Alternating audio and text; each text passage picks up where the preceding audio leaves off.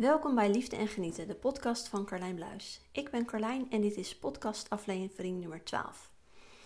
Ehm, ik hoorde laatst de zoveelste vrouw zeggen: Ja, mijn moeder, dit en dat en dat. En dan zo'n zo zucht erachter. Zij vertelde, ehm, deze vrouw vertelde de irritatie die ze had over haar moeder. En ehm, ik weet dat er heel veel mensen nog wel eens wat struggelingen, issues, irritaties met hun eh, moeder hebben. Dus ik dacht, ik ga dat eens vragen op mijn, in mijn Instagram stories. Zo van, goh, irriteer jij wel eens uh, aan je moeder? En uh, het mooie was dat ik dat uh, bevestigd kreeg, want 90% van de vrouwen, waarvan de moeder nog in leven is, moet ik erbij zeggen, irriteert zich wel eens aan haar moeder. En het interessante daarbij is dat je moeder ook gewoon een spiegel is voor jou.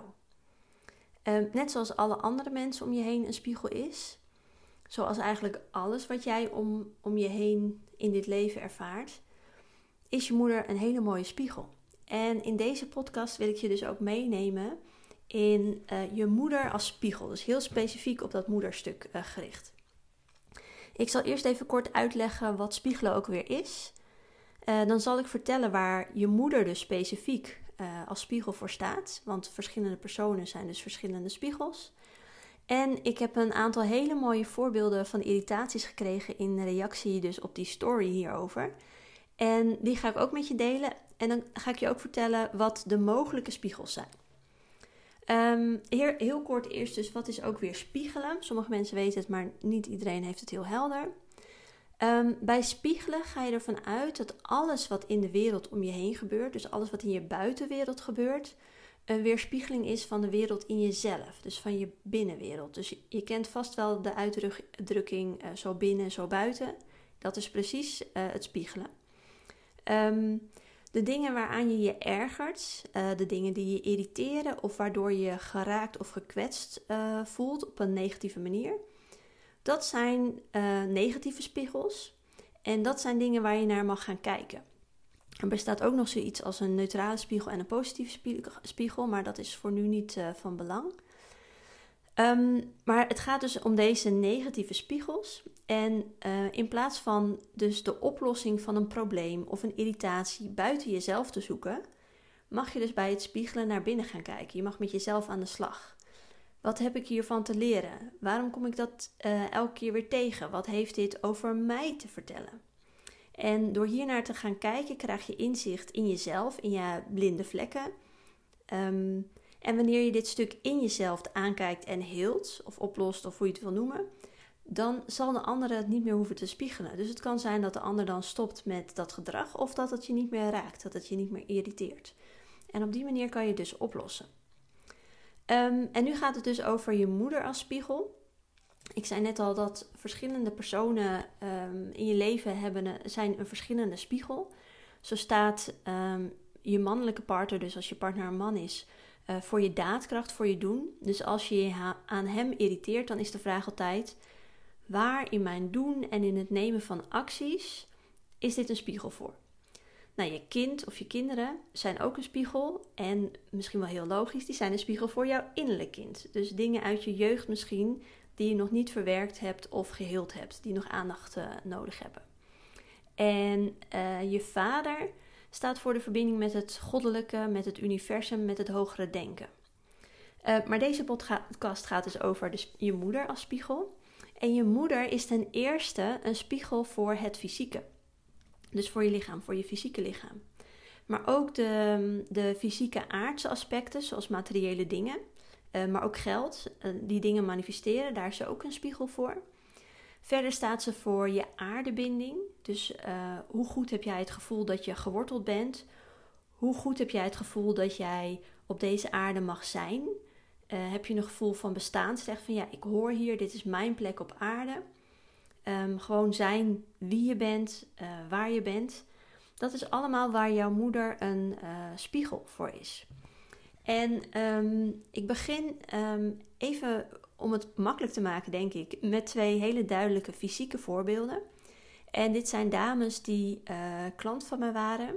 En uh, met, haar heb ik het, met hun heb ik het ook hierover gehad. Dus ik weet ook wat de uiteindelijke spiegel voor hun was. Um, de eerste dame, die had een veel te sterke band met haar moeder. Haar moeder had te veel invloed op haar en uh, die mengde zich ook veel te vaak in haar leven. En ik heb deze dame letterlijk horen zeggen: Ik ben heel dik met mijn moeder, als in dikke maatjes. Maar het was niet een, uh, een hele mm, dikke moeder-dochter verbinding, zeg maar. Het was veel meer een vriendinnenband. En dat klinkt misschien allemaal leuk en gezellig, maar het is energetisch of systemisch is dat niet de bedoeling, is niet hoe dat hoort. Dat is niet hoe de energie hoort te stromen. Jouw moeder hoort jouw moeder te zijn en jij hoort het kind te zijn en zo hoort die relatie te zijn. Dus je kunt hierin echt heel duidelijk de spiegel horen. Ik ben dik of dikke maatjes met mijn moeder en het probleem is dat ik mijzelf te dik vind. Dat was haar probleem. Uh, het tweede voorbeeld was een dame die vertelde over haar fysieke klachten. Ze had echt van alles. Ze vertelde ook dat ze veel in haar hoofd zat. En toen hoorde ik haar zeggen: Ik heb geen idee wat mijn lichaam nodig heeft. En uh, bij mij ging er toen een belletje rinkelen en mijn vraag was: Hoe is de relatie met je moeder?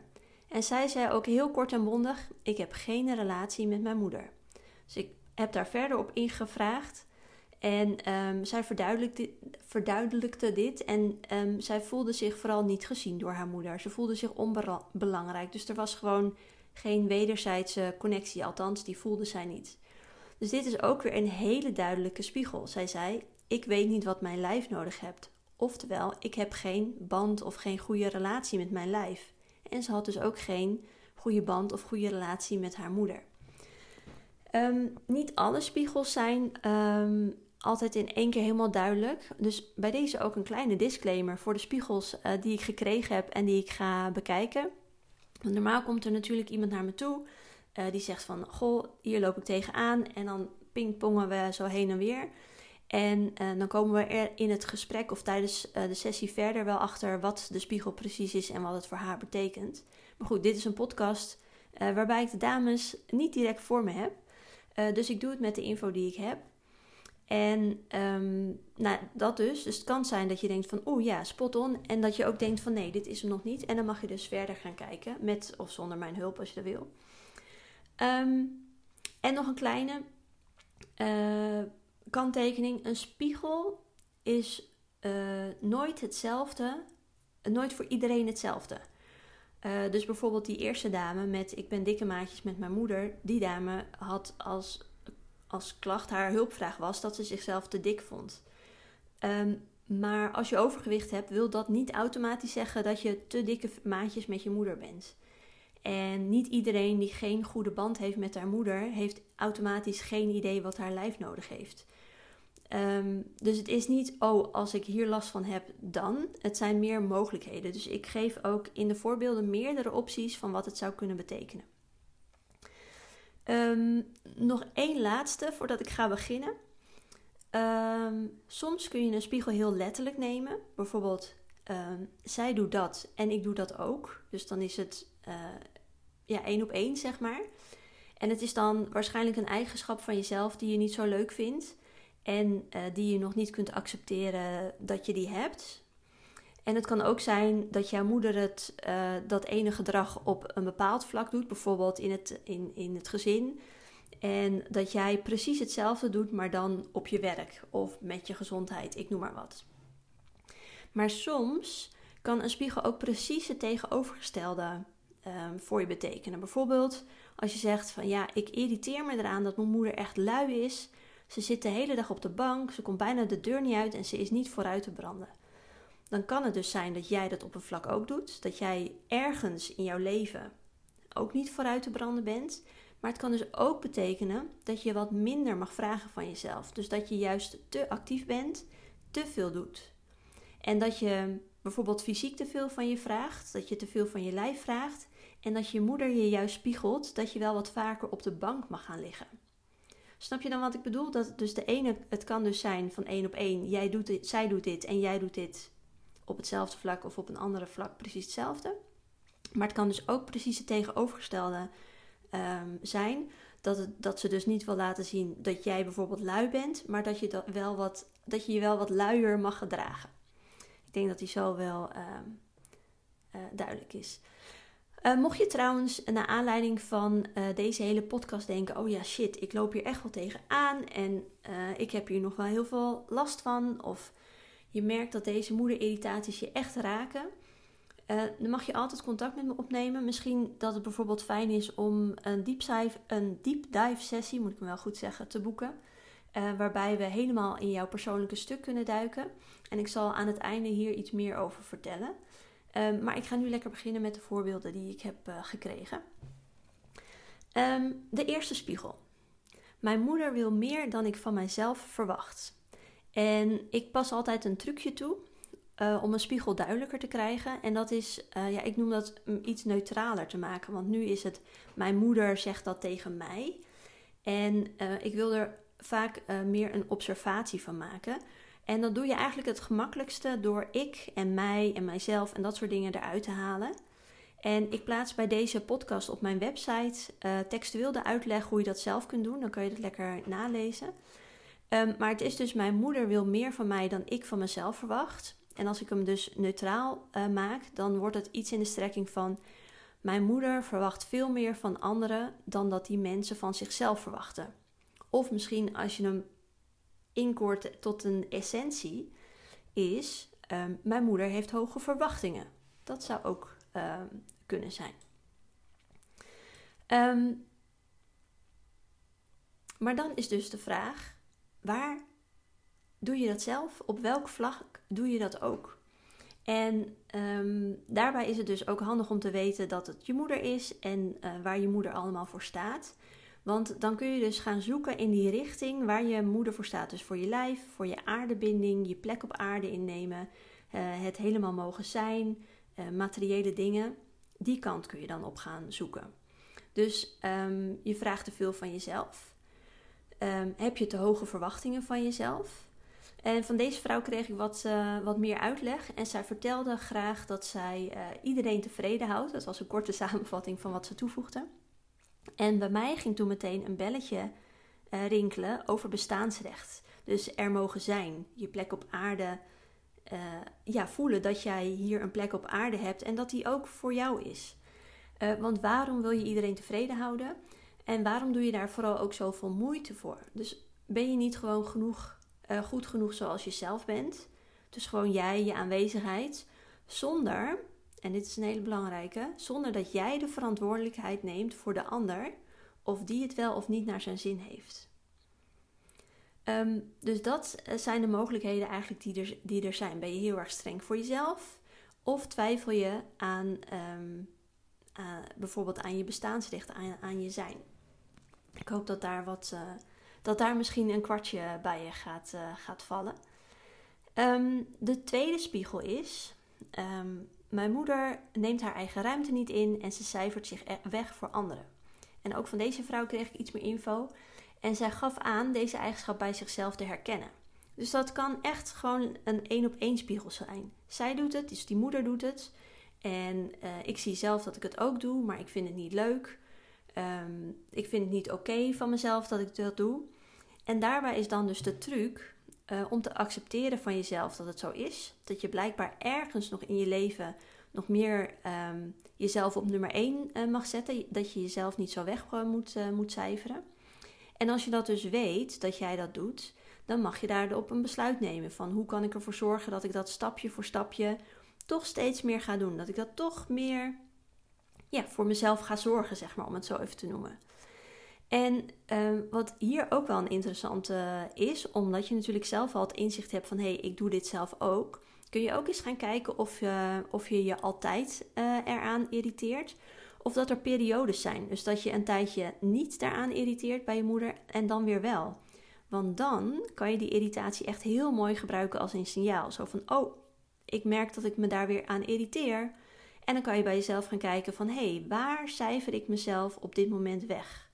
En dat kan in je gezin zijn, dat kan in, um, op je werk zijn, dat kan uh, ja, ook natuurlijk zijn van waar cijfer ik mijn lichaam weg. Dus waar geef ik mijn, mijn lichaam niet wat hij nodig heeft. Want het kan uh, vaak eh, zijn dat je het zelf nog niet in de gaten had. Dat je er um, wat langer door mee moet lopen, zeg maar, voordat je zelf ziet van, oh ja, ik doe dat weer. En dat zo'n ergernis aan je moeder dus een hele mooie wake-up call is. Van, oh ja, ik erger me nu aan. Oh, waar doe ik dit? En dat je dus dat kunt gebruiken om sneller um, de boel weer om te draaien. Om ja, de, de boel weer recht te trekken. En ook bij deze spiegel viel me op dat het wel ook een beetje lijkt alsof het over dat bestaansrecht gaat. Dus over er mogen zijn, je plek op aarde innemen, uh, je ruimte innemen, soms letterlijk. Uh, maar ook bijvoorbeeld om de ruimte te krijgen om je verhaal te mogen doen, of om je emoties te mogen uiten, of je verlangens te mogen uiten. En een extra mooie vraag hierbij vind ik, omdat het zo één op één is: hoe komen jullie aan dit patroon van jezelf wegcijferen? Uh, want jij hebt het, je moeder hebt het, maar bij wie is dat begonnen?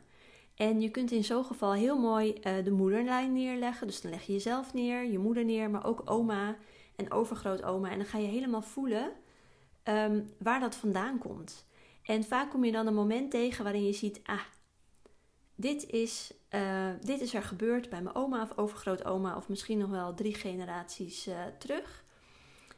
waardoor wij ja, dat allemaal energetisch mee hebben gekregen en dus allemaal de behoefte hebben om onszelf weg te cijferen. Dat is echt een, echt een super hele interessante. En uh, hiervoor hoef je allemaal niet te weten hoe je oma of je overgrootoma of je over, over, overgrootoma geleefd heeft.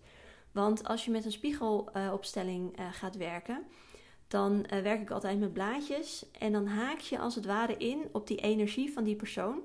En dan kan je het precies voelen. Ook al weet je het niet, maar je kan het precies voelen en je kunt het ook helen. En je hield het niet alleen voor jezelf, je hield het ook voor de vrouw die je voorging. En dat is natuurlijk wel een beetje vage schissel. Uh, maar het idee daarachter is dat uh, tijd uh, niet lineair is, maar circulair. Of dat tijd helemaal niet bestaat.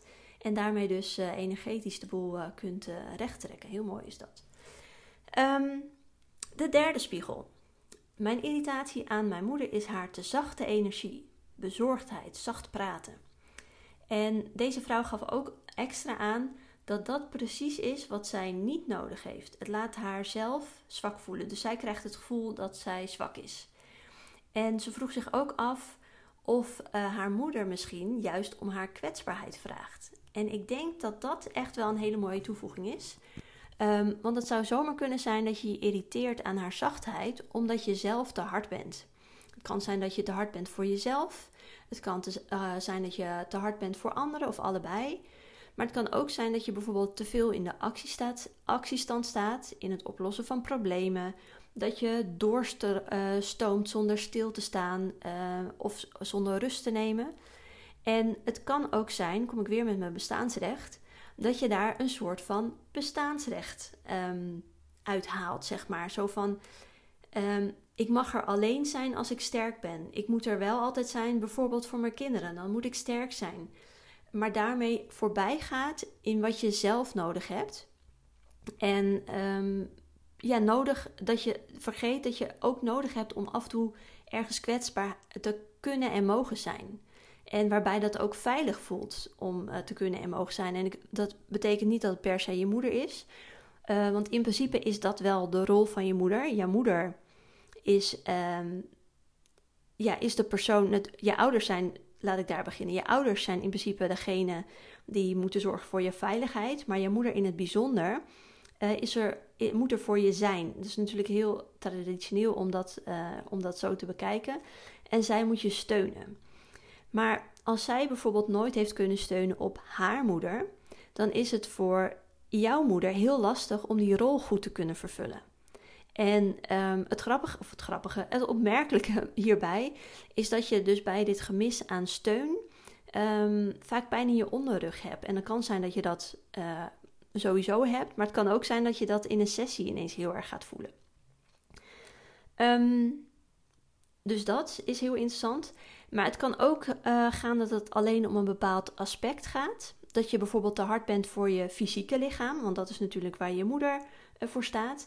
En dat je op dat vlak wat zachtere energie nodig hebt. Wat meer liefde, wat meer uh, aandacht, wat meer zachtheid. Dus het kan zijn dat, um, dat je te hard bent en te veel sport bijvoorbeeld. Uh, of dat je uh, te veel eet of te weinig eet. dat kan een spiegel zijn, maar het kan ook zijn dat je veel sport en goed eet, maar dat je daarnaast um, de tegenhanger vergeet. Dus dat je, dat je vergeet dat je ook zacht mag zijn. Dus het is niet per se verkeerd als je veel sport of ehm, nou ja, heel fysiek hard bent of, of hard bent voor je fysieke lichaam. Zolang je daarnaast ook maar die balans hebt, zeg maar, van die zachtheid en de verzorging. En dat kan uh, letterlijk een warm bad zijn, of een massage, of uh, ja, ik noem dat even zachte voeding. Dus bijvoorbeeld uh, comfort food, of misschien wat minder gezond eten dan dat je normaal gesproken gewend bent. Um, jezelf insmeren met body lotion bijvoorbeeld. Maar het kan ook zijn dat je heel hard, uh, dat je heel hard denkt over je lichaam. Dus dat je heel erg kritisch bent op je lichaam. Dat je heel veel van haar verwacht. Of dat je heel erg afwijzend bent of heel erg oordelend. Dat je, dat je jezelf bijvoorbeeld niet mooi genoeg vindt. Of dat je nou ja, gewoon heel erg kritisch naar je eigen lijf bent en daarin dus te hard bent. Um, dit kan trouwens bewust en onbewust.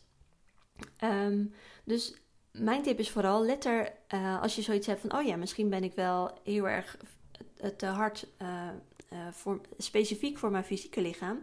Denk er dan, let er dan eens op wat jij over jezelf denkt. En dan vooral dus over je lijf. Dus welke gedachten gaan er over je heen, of door je heen als je over je lijf denkt.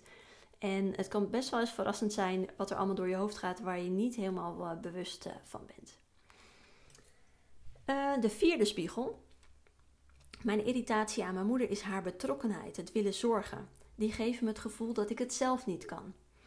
En uh, wat ik net al zei, het is de taak van je moeder om er voor je te zijn en om je te steunen. Um, dus je zou kunnen zeggen van, oh, misschien doet die moeder dat dan te veel. Dus die uh, mengt zich te veel in jouw leven. Uh, je bent te dikke maatjes. Wat dat eerder voorbeeld wat ik al gaf. Maar ik heb, persoonlijk denk ik niet dat dat het is voor jou. Um, het voelt meer alsof je iets wil laten zien. Wat niet per se met jullie relatie te maken heeft. Dus het kan bijvoorbeeld zijn, uh, of tenminste, het kan zijn dat jouw moeder het lastig vindt om jou los te laten.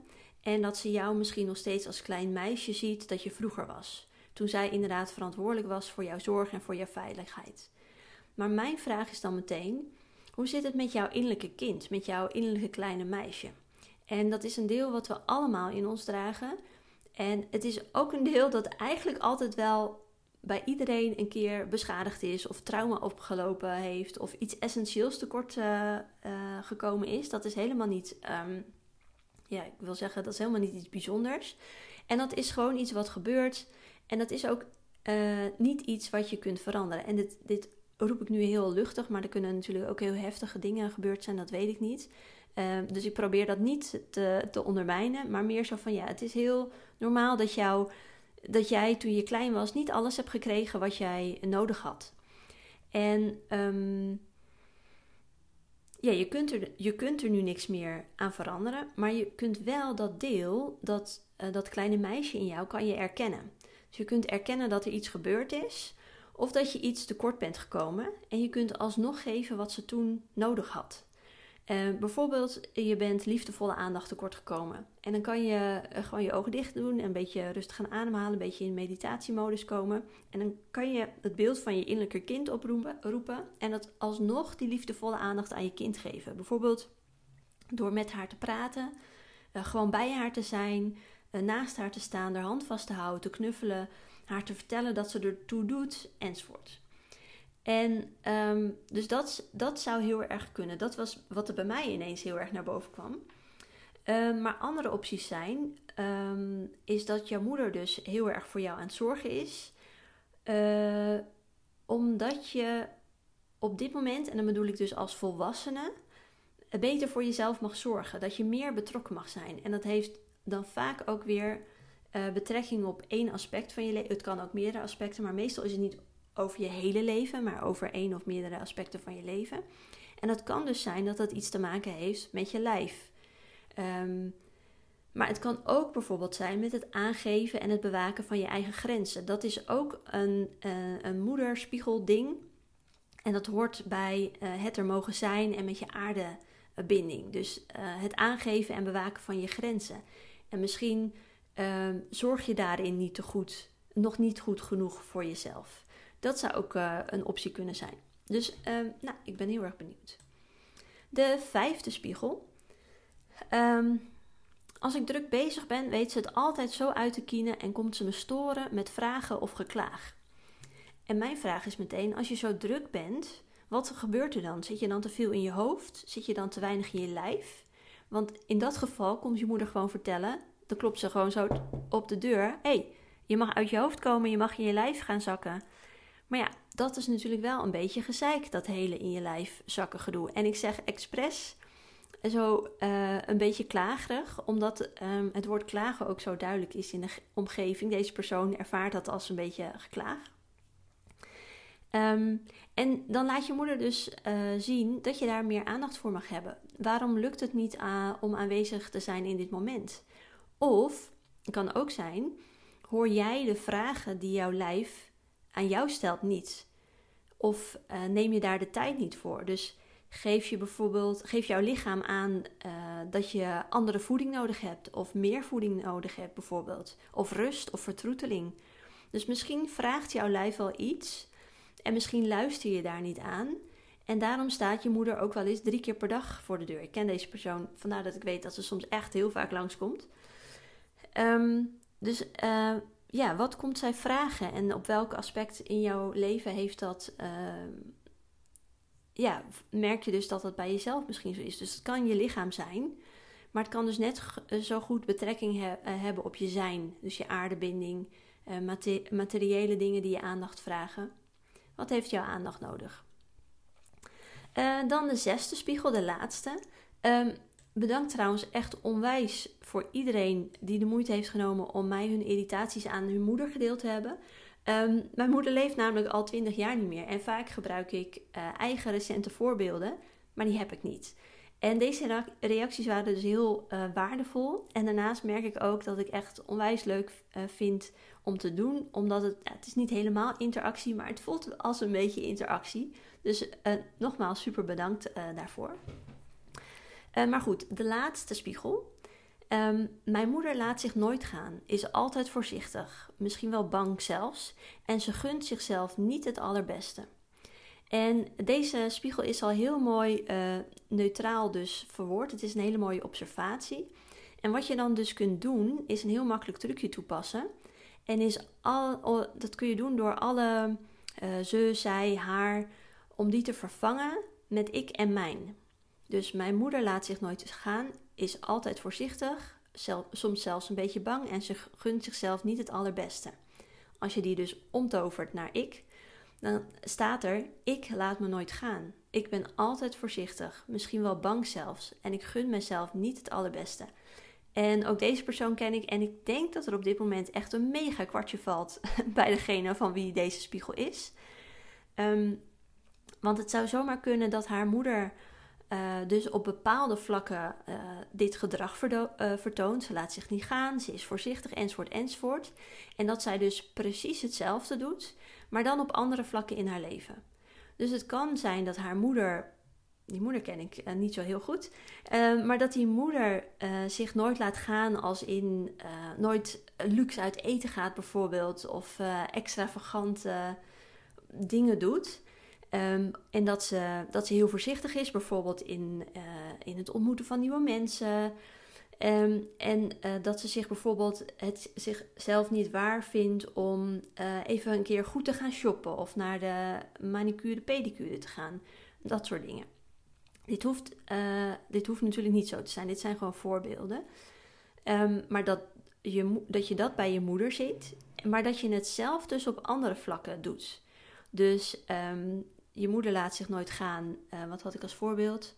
Uh, door een keer luxe uit eten te gaan. Maar jij laat je bijvoorbeeld nooit gaan in de liefde of andere relaties en verbindingen. En je ziet dat je moeder altijd voorzichtig is en dat ze bijvoorbeeld heel erg lastig vindt om uh, andere mensen te ontmoeten. Um, maar dat, dat, um, dat jij voorzichtig bent op andere vlakken in je leven. Um, het kan ook zijn, bijvoorbeeld, dat ze bepaalde gewoontes heeft, die moeder. Uh, dat, ze, dat ze bepaalde gewoontes. Eh, sorry, ik loop een beetje vast, merk ik. Dat kan ook zijn, omdat ik het gevoel heb dat het, uh, dat het dus het eerste is. En dat het voor haar, voor degene voor wie deze spiegel is, um, wel heel duidelijk is. Uh, maar ik had nog, nog wat andere dingen op, opgeschreven om ook nog te laten zien van hé, hey, er zijn meerdere opties mocht je zo'n spiegel herkennen.